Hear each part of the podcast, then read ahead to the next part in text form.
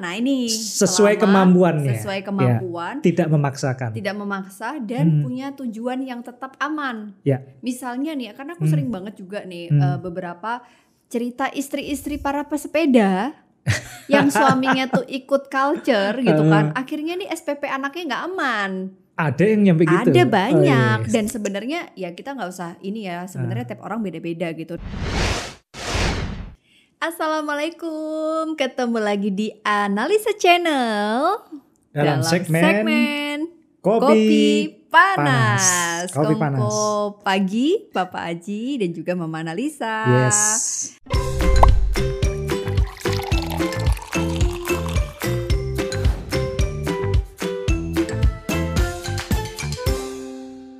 Gimana Mas? Ini nggak ngira ya. Informasi dari tim kita katanya malah justru segmen kopi panas ini sekarang yang Paling, paling banyak, banyak viewersnya. viewersnya. Terus bangga? oh enggak juga. Ya Alhamdulillah. happy dong, Happy, karena nggak nyangka di segmen kopi panas ini justru data analisisnya itu kayak penonton tuh ngerasa ini refresh banget Ya. kontennya. Ini aku coba eh, cuplik beberapa feedback dari teman-teman loh mas, Hmm, ketika ngebacain konten kita di kopi panas ini. Coba yes. kamu lihat deh, ada komen dari siapa aja tuh yang kita lihat feedbacknya bagus banget untuk Mm-mm. eh, channel kita dan eh sorry segmen kita ini. Mm-mm. Dari Abu Zaki, Hai Mas Abu Zaki nih. Katanya- Obrolannya Mhm. daging semua. Keluarga cerdas. Cerdas, cermat ya. Amin, amin. Kelihatannya aja mungkin ya. Amin. Amin. Terus juga ada eh, juga ada dari Nila Putris katanya ini sesi yang paling aku tunggu Mbak Analisa di Analisa Channel. Thank you Nila. Ini ada juga dari Radityo Muhammad. This is gold, Mbak Ana. Waduh. Woi, Ya ya ya ya. Makasih Mas yang ya. gold itu yang ini perunggu. Mas lagi mahal ya. Oke. ini Mas Aji aja kalau gitu ya. Terus ini Indah Story, komunikasi antara Mbak Ana dan Mas Aji kok asik banget kelihatannya. Kelihatannya. Yang Kalau nggak pas nggak asik, kalau pas nggak asik Nggak kita ada nggak kamera. ini, nggak ada kamera. Tapi ngomong-ngomong seneng gak sih maksudnya ternyata antusiasme kopi panas ini tuh melebihi perkiraan kita yang Ya. awalnya cuma iseng ngobrol, kita bawa di YouTube, Alhamdulillah ya. bisa Kalau kasih manfaat ya. Alhamdulillah banget konten yang sebenarnya kita iseng-iseng aja nih awalnya. Karena pengen sharing apalah sesuatu yang apa sih yang bisa kita, share sekarang di baru pandemi gini kan baru ini banyak waktu luang juga. Jadi apa yang bisa kita share ternyata manfaatnya lumayan nih buat temen-temen ternyata Anda berbakat juga ya Pak jadi YouTuber ya. Eh, gitu ya Jangan lupa subscribe guys. Itu dulu yang penting kalimat utama Siap. jadi YouTuber. Nah ngomong-ngomong soal waktu luang nih ya, kalau nggak karena Ah. pandemi kita nggak bakalan ngobrol bareng di segmen kopi panas ini. Hmm. Eh banyak loh mas hobi-hobi baru kita kayaknya selama masa pandemi salah satunya adalah sepeda. Aku nggak tahu ya itu itu hobi atau bukan ya Hobi, kalau aku? Anu kayaknya kegiatan dadakan dari oh, mungkin semua orang Indonesia ya. Ini sekarang mendadak banyak yang suka sepedaan. Nggak tahu itu yang eh, sekedar latah ikut-ikutan Mhm. atau nggak tahu juga yang memang pengen atau gimana. Latar belakangnya aku yakin itu macam-macam ya.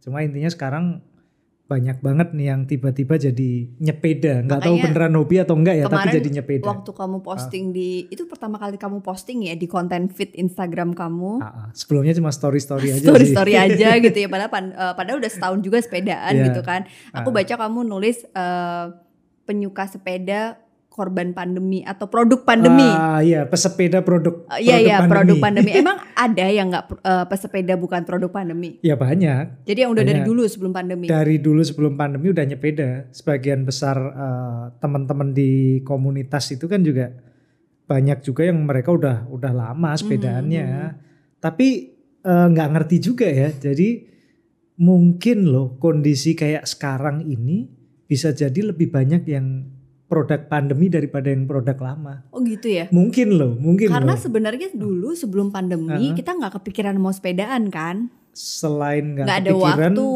ya mungkin ada sih cuma waktunya nggak seluang itulah buat sampai berpikir kita mau ngapain ya Karena gitu. anak-anak sekolah Nah, pagi. itu. Nah, kalau Ya. sekarang kan sekolahnya online dan agak siang. agak siang Jadi Ah, saat habis sholat subuh tuh kita kayak banyak waktu luang sebelum Ya. anak-anak sekolah. Nah ngomong-ngomong Hmm. soal sepedaan nih mas, ketika aku pengen nanya kan mm, eh, aku beberapa kali nih ya teman-teman jujur kalau aku Hmm. pribadi tuh dibilang hobi nggak juga ya karena sebenarnya bisa dihitung lah satu bulan tuh berapa kali aku sepedaan. Eh, belum tentu sekali. Enggak lah, masih. Masih lumayan lah Cuma gitu. akhir-akhir ini aja jarang Akhir-akhir kan. ini karena Ah. uh, sibuk gitu kan, Hmm. banyak webinar pagi jadi aku Hmm. kayak tapi aku ngerasa menikmati mom kayaknya aku menikmati momen deh Mas, bukan Hmm. sepedaannya tapi lebih ke momen sepedaan yang aku habisin bareng kamu. gitu ya ternyata ya. Peres ya. Enggak ya beda kan. Iya Kalau iya iya. aku Kalau kamu dasarnya kenapa sepedaan? ya dasarnya suka banget olahraga kan dari dulu. Jadi bukan karena ngikutin tren Go West yang lagi hits. Itunya juga nggak munafik ada. Ada. Ada karena dari dulu kan Penasaran. Dari dulu kan aku udah sering sepedaan Oh juga iya tahun iya benar 2008 benar benar. Waktu itu MTB ya. MTB yang cross country itu. Jadi MTB ringan lah istilahnya. Terus akhirnya ke road Terus bike. karena dulu nggak ada temennya, Mhm. sepedaan tuh diketawain temen-temen dulu Iya malah. sih, aku ngerasa kayak kalau sepedaan tuh kurang keren gitu. Ah gitu. Tapi Dan memang sekarang memang nggak sekeren sekarang karena iya iya bukan- iya benar ini benar benar. belum sebum sekarang ya. Akhirnya nggak tahu bosen lah intinya terus berhenti kan tahu sekitar 3-4 tahun sepedaan berhenti. Mhm. Nah terus eh, tadi pertanyaannya apa lupa sampai Jadi kamu tuh ngikutin tren Ah, ngikutin atau tren. memang menikmati sepedaan itu? Ah, jadi kalau akhirnya sih karena eh, tadi kan kita bilang karena banyak waktu luang akhirnya ada kesempatan buat nyoba. Ya akhirnya setelah nyoba ya menikmati. Dan kalau kamu lihat kan aku tuh tipikal kembali lagi suka olahraga kan. Dari dulu tiap nyobain olahraga apa tuh pasti seneng akhirnya. Hmm, ya ya ya ya, ya juga sih I- gitu. Iya kan Tapi kan berarti tujuan Hmm. kamu olahraga sepeda itu ya tetap buat olahraga buat kan? olahraga. Nah, Ya. itu yang akhirnya ngebedain kalau aku tuh sepedaan tuh ternyata setelah aku Hmm. sadari adalah momen bersama kamunya gitu. ada bedanya di situ Ada ya. bedanya di situ. Nah, ini ada juga teman-teman mah. Uh-huh. Kalau aku ngamatin uh, orang-orang, teman-teman juga ada yang nggak mau sepedaan kalau sendiri. Oh, jadi, Jadi cuma mem- senang kumpul-kumpulnya doang. Ya mungkin olahraganya juga seneng, tapi Mhm. dia nggak enjoy kalau nggak ada temennya. Kalau aku kan belakangan lebih banyak se- sepedaan Apalagi sendiri. waktu covidnya lagi Nah, naik-naiknya iya. ya gitu. Ah, Nah ngomong-ngomong nih soal tujuan, Hmm. berarti kan aku kayak aku tetap Hmm. pengen olahraga gitu. Iya. Kayak sekarang walaupun aku nggak sepedaan, aku suka treadmill, Treadmill di di rumah rumah. gitu Hmm. kan sambil nonton drakor. Nah, Yang penting tujuan olahraga itu tercapai. Benar. Dan tujuanku untuk sama kamu ya lewat Hmm. sepedaan yang kalau memang ada waktu luang. Iya. Nah ngomongin soal tren ikut-ikutan nih mas, ini tuh di Hmm. psikologi ada istilah yang disebut dengan FOMO. FOMO, Fear tuh? of missing out. Ini Oke. tren nih, ya kan? Jadi aku kalau Ah, kalau nggak ikut-ikutan atau aku ketinggalan, aku takut. Nah, nggak gaul nih. nggak gaul Wah. gitu. Aku pengen nanya nih, kan Ah. kamu aktif juga di komunitas gitu ya, Hmm, hmm. sepeda gitu kan Ya. di teman-teman. Ada nggak sih Hmm. gejolak kaula muda yang mungkin jujur aja deh nggak usah lihat orang lain, kita Hmm. sendiri nih, kita pernah nggak sih yang kayak atau mungkin kamu kayak ada ke bawah arus pengen ikut-ikutan, misalnya karena lagi tren sepedanya harus yang ini, beli Hmm. sepeda nih sobat ragu nih suami Sobat saya nih. ragu. Jadi dia kalau mau beli apa tuh Nah, ini buat lama teman-teman gitu. nih yang suka manggilin sobat ragu. Sebenarnya nggak masalah sepeda doang Heeh, loh. tapi banyak ya Kamu kan ngamatin tiap aku mau beli apa itu bedanya itu kita. nggak pernah bisa langsung oh ya beli ini. Tapi gini nih, ngomong-ngomong soal uh, FOMO tadi nih ya Uh. Mas. Kalau kita kaitin sama ilmu psikologi, aku juga sering menemukan gak cuma sepedaan doang, Hmm, tapi hmm. banyak lah orang-orang yang takut uh, ketinggalan tren. Ya. Jadi akhirnya kalau kita lihat ini kaitannya adalah pada saat kebutuhan manusia Ya. yang memang dia itu punya satu dorongan untuk konformitas Hmm. atau menyamakan dirinya dengan lingkungan itu alih-alih pengen diterima. Ah, Oke. Jadi ini sebenarnya secara psikologis adalah hal yang Hmm. sangat natural Hmm. karena uh, menurut uh, teori need to belong gitu ya, Hmm. di mana manusia itu butuh yang namanya penerimaan sosial. Nggak Ya. munafik, kita pun iya Hmm. gitu, ada. Hmm. Tapi yang membedakan adalah kadar kita untuk memanage dorongan itu. Ya. Contoh misalnya, aku Hmm. pengen uh, punya sepeda harga sekian. Yang karena merek ini, mereknya spek ini, ini. harganya Aku sekian. nggak mau FOMO, apa nggak mau munafik nih. Aku FOMO nih karena Hmm. fear of missing out bahwa sepeda ini tuh lagi hits banget di komunitasku. Ya. Atau helm, atau kalau aku lihat kan harga spare part sepeda tuh mahal banget ya guys. Lebih mahal Agak daripada Anu sih, kalau nggak ki- masuk kita akal sebagai orang baru menilai itu nggak masuk akal. kalau awal-awal gitu gitu kayak Ah. merasa masa helm naik motor sama helm sepeda mahalan helm sepeda. awal-awal agak masuk akal. Kalau aku lama-lama malah makin mikir makin nggak masuk akal. gitu ya.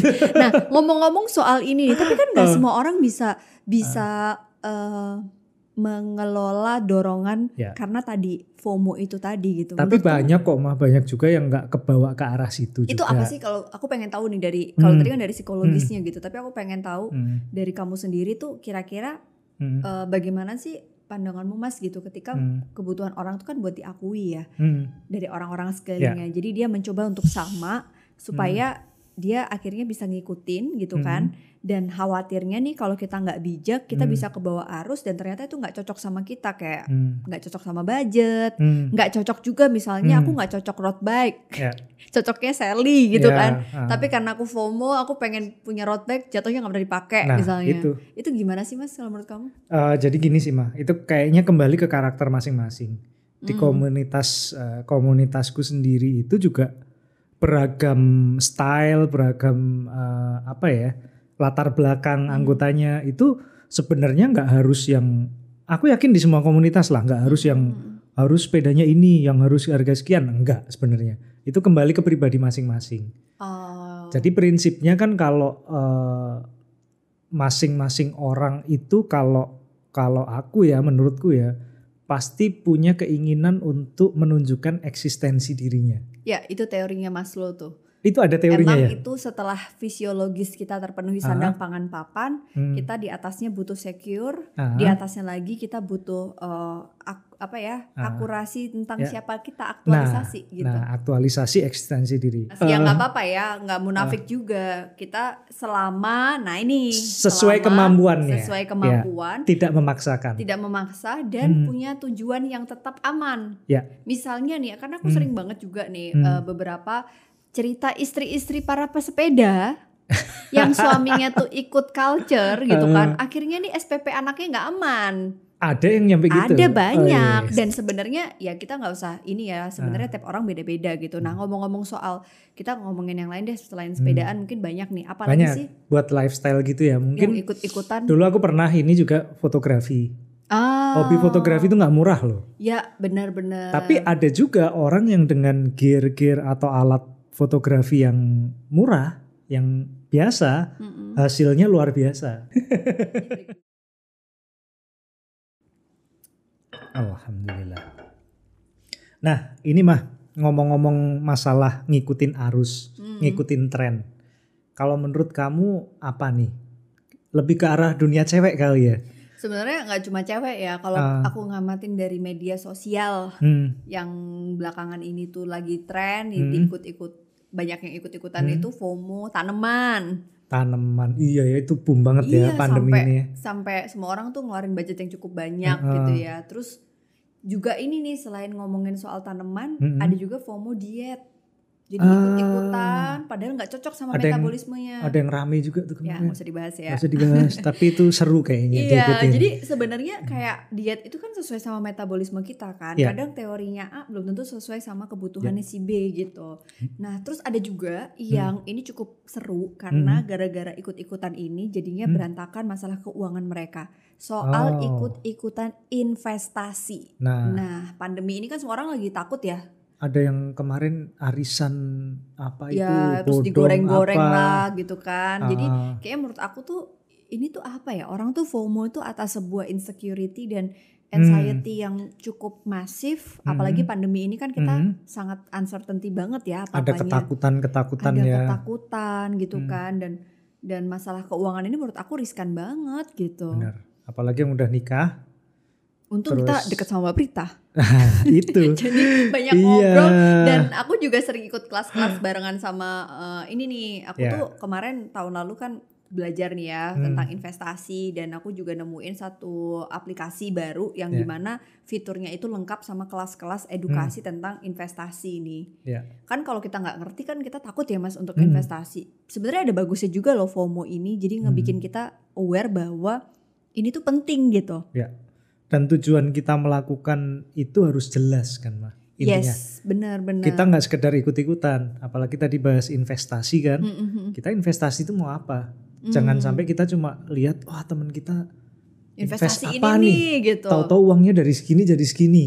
Ya. Nah, Nah, yang kan- aku tahu itu kan kayak kita sekarang kan eh, mencoba beberapa produk investasi Hmm, gitu ya. hmm. Kalau kayak saham ini kan resikonya Hmm. tinggi banget, profil Hmm. resikonya paling tinggi gitu. hmm, Memang dia cukup banyak sih keuntungannya cuma kayaknya mendingan beli dikit-dikit dulu nggak sih? Mm-mm. Tapi- ya dikit-dikit dan yang Punya faktor- tujuan yang jelas. tujuan jelas, dikit-dikit dan faktor risikonya Nah. secara teori faktor risikonya rendah. Ada nih mas Nah. satu produk yang aku juga belum Ya. lama belajar nih ya. Hmm. Selain saham itu sebenarnya kalau saham kan resikonya terlalu tinggi. Ini Hmm. sebenarnya produk yang uh, cukup banyak digemari yaitu Hmm. reksadana dan ada syariahnya juga. Hmm, hmm. Jadi reksadana ini itu bisa sesuai sama kebutuhan kita dan jangka panjang wak- jangka waktunya itu tidak sepanjang saham. Ya.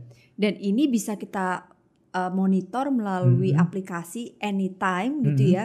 Kapan pun kita bisa menggunakan uh, reksadana ini untuk sebuah tujuan pencapaian keuangan tersendiri gitu. Iya, jadi intinya kita harus kenal dulu juga ya produknya. Kayak aku kan waktu kamu mulai Belajar investasi. belajar investasi, aku sampai sekarang pun kan juga nggak berani ngelakuin itu. Iya, Karena aku nggak belum sempat belajar, belum ngerti.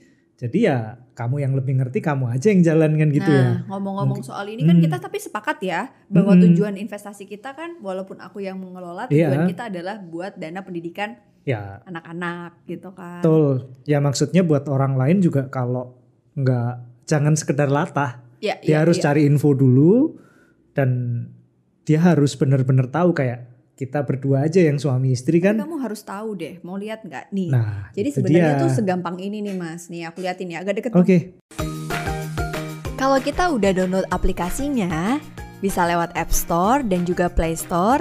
Jangan lupa, teman-teman siapkan KTP, NPWP, kertas, dan pulpen. Pertama, klik registration di tampilan menu utama iPod ya. Lalu, masukkan alamat email dan nomor handphone kamu, isi data pribadi. Selanjutnya, ikutin aja deh step demi stepnya. Setelah selesai, nanti bakalan ada link verifikasi via email. Klik saja link verifikasi itu dan tinggal tunggu deh rekening dana nasabah atau RDN kamu jadi. Nah, nanti terakhir nih bakalan dapat email yang berisi nomor RDN dan langsung bisa transfer. Terus teman-teman bisa mulai investasi deh. kalau kayak buat aku nih mah kayak Mm-mm. mungkin beberapa orang lain juga Mhm. yang mungkin yang ekstrim aja lah yang orang-orang zaman dulu yang Yes. gaptek-gaptek dia belum ngerti caranya itu ada yang bisa ini nggak bantuin nggak? Ya, nah enaknya lagi di iPod Hmm. ini dia tuh aku sebenarnya selalu suggest semua orang kayak aku Hmm. pribadi pertama kali mau belajar ini sama Mbak Prita pun juga Hmm. disuggest untuk nggak langsung beli banyak, nggak Oke. langsung ikut-ikutan, tapi Hmm. dipelajarin dulu. Nah, Hmm. enaknya dia tuh akan ada em, grup yang nanti Hmm. kita bisa atau follow Instagramnya iPod nanti akan Hmm. ada kelas-kelas yang bikin eh, yang bisa bikin kita belajar gitu. Hmm, Jadi oke. sebenarnya di situ tuh kayak menurutku orang-orang yang ngerasa kayaknya gaptek itu tuh Hmm. sekarang udah berubah gitu. Justru ini Ya. dipermudah oleh aplikasi, udah Hmm. nggak sesusah dulu lagi untuk investasi ini gitu. Oke. Jadi investasi itu sebenarnya juga nabung dengan style atau gaya gaya masa kini ya Maya. Yes, bener banget. Karena kalau nabung uang aja tuh kan kayaknya rugi ya hitungannya sekarang. bener karena kita Mm-mm. kan lagi ngadepin pandemi ini belajar banget ya banyak Ya. hal yang nggak pasti gitu. Ya. Makanya kalau aku belajar dari beberapa fitur yang ada di Hmm. iPod itu ada fitur Hmm. journey. Mhm. Di situ tuh kita bisa klik dan bisa tahu ada Hmm. podcast, artikel, ada video, bahkan ada webinar yang diselenggarakan iPod secara gratis untuk Hmm. kita ikutin tentang Jadi edukasi ini. Nanti di di situ ada informasinya lengkap ya. Bahkan Ya. nanya-nanya juga bisa. Nanya-nanya juga iya, aku Oke. sukanya sih mereka sangat responsif ya selama Jadi ini. kan mungkin nanya, selama ini saya nabungnya uang tunai gini gini gini. Ini dan kalau itu ada misal kita investasikan Mm-mm. ilustrasinya terus kayak apa itu bisa ya dari situ ya. Iya dia akan ngajarin kita cara Hmm. menganalisis eh, bagaimana membeli reksadana, bagaimana Oke. memilih saham dan Hmm. bagaimana perencanaan keuangan dan Hmm. aku rasa tuh kayaknya kalau untuk pemula nih ya Mas Hmm. ya. Kamu kan mau nyoba nih, Hmm. coba nih kita sama-sama nabung. Ya. Habis ini kamu harus daftar. Hmm. Kayaknya sebelum saham reksadana dulu deh saran aku. gitu ya. Jadi daripada tabungan kita mending rekomendasinya reksadana dulu ya. Karena reksadana di pasar uang ini kita Hmm. bakalan dapat imbal balik per tahun itu bisa dapat 6%. Kalau Oke. kita nabung biasa itu Hmm. cuma 0,15%. Oh. Jadi kalau kita mikirin tentang inflasi, Hmm. artinya ya lebih aman di reksadana pasar uang gitu. tapi pertanyaannya lagi nih, Hmm, ada yang syariah nggak? ada dong, Oh, makanya kita belajar oke. bareng-bareng buat investasi di fitur journey-nya iPod supaya kita tahu reksadana syariah apa yang tepat untuk investasi kita. Cocok. Nah, enak ya zaman gini kan semua tuh bisa investasi kan. Menurut Iya aku ya. tuh kayaknya nggak ada perlu sobat ragu lagi untuk Sobat investasi. Pakai HP aja bisa ya sekarang ya Tapi invest ya. Iya, bener banget. Kita Tapi invest sepeda menarik juga Enggak, mungkin. enggak, oh enggak, enggak, enggak, ya. Itu harga dulu. sepeda udah naik. Enggak, enggak, enggak, enggak. gitu ya. Jadi kayaknya nih ya, kita kan emang teman-teman kita berdua tuh lagi ada plan untuk eh, sekolah Hmm. anak pasti dan kita nabung aja buat sekolah kita berdua.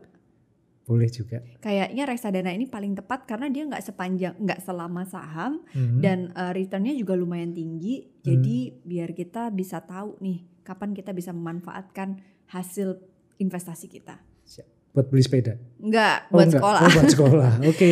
Oke, ya udah deh kalau gitu kita lanjutin obrolannya besok. Ya. Eh, dan kayaknya seru juga kalau kita nextnya bakalan sepedaan bareng aja kalau gitu buat bikin konten kopi panas. Kayaknya oke juga. Mumpung masih ngetren. Uh, masih ngetren. Ini Mumpung nggak masih ya. Iya. Oke, biar pada kangen sama obrolan kita, kita lanjutkan aja di obrolan kopi panas di segmen berikutnya. Oke, bye-bye. Bye-bye. Thank you. Assalamualaikum. Bye.